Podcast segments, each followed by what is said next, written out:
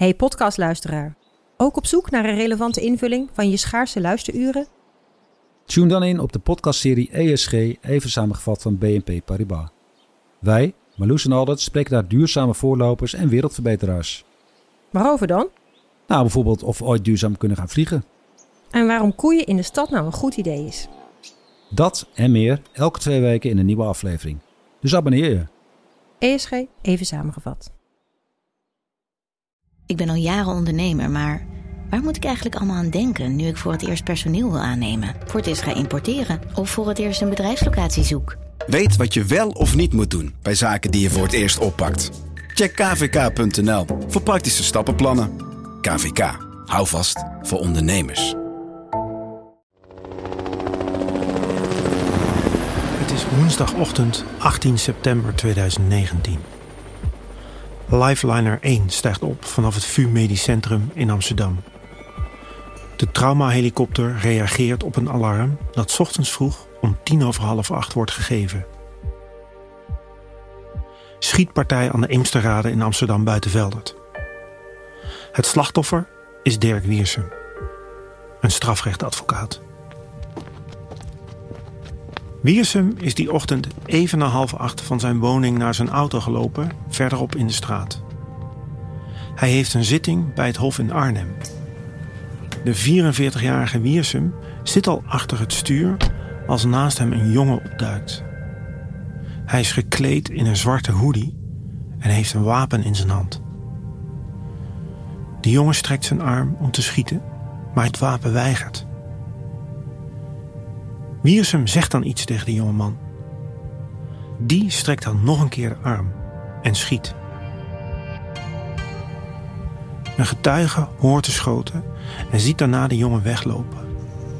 Hij vlucht in een klaarstaand wit bestelautootje, een Opel Combo. Als de lifeliner arriveert, is het al te laat. Dirk Wiersum is ter plekke overleden. Goedenavond, dit is Nieuwsuur. Voor het eerst lijkt een advocaat vermoord vanwege de kroongetuigen die hij bijstond. Minister Grapperhaus reageert geschokt. Dit is een aanslag op onze rechtsstaat. De mensen die daarin werken, die zorgen voor uw en mijn democratische rechtsorde. Wat uh, komt u hier doen vanmorgen? Ja, bloemen brengen en uh, steun betuigen aan uh, familie en kinderen van Dirk. Ik ken hem niet, ik ken zijn familie ook niet. Maar het heeft me enorm bezig gehouden gisteren, enorm geraakt. Ja, iemand die zo staat voor recht en juist verdediging van ook een soort van donkere kant van de samenleving. Vind ik bizar dat die op deze manier uit het leven gerukt wordt. Wat betekent dit voor het liquidatieproces waarin Wiersum kroongetuige Nabil B. bij stond? Wat zijn de gevolgen op de lange termijn? Het is zo dat deze advocaat, met een prachtige reputatie...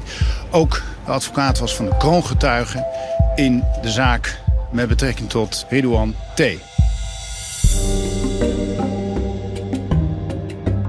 Je hoorde het begin van Cocaïnekoorts, een podcast van NRC.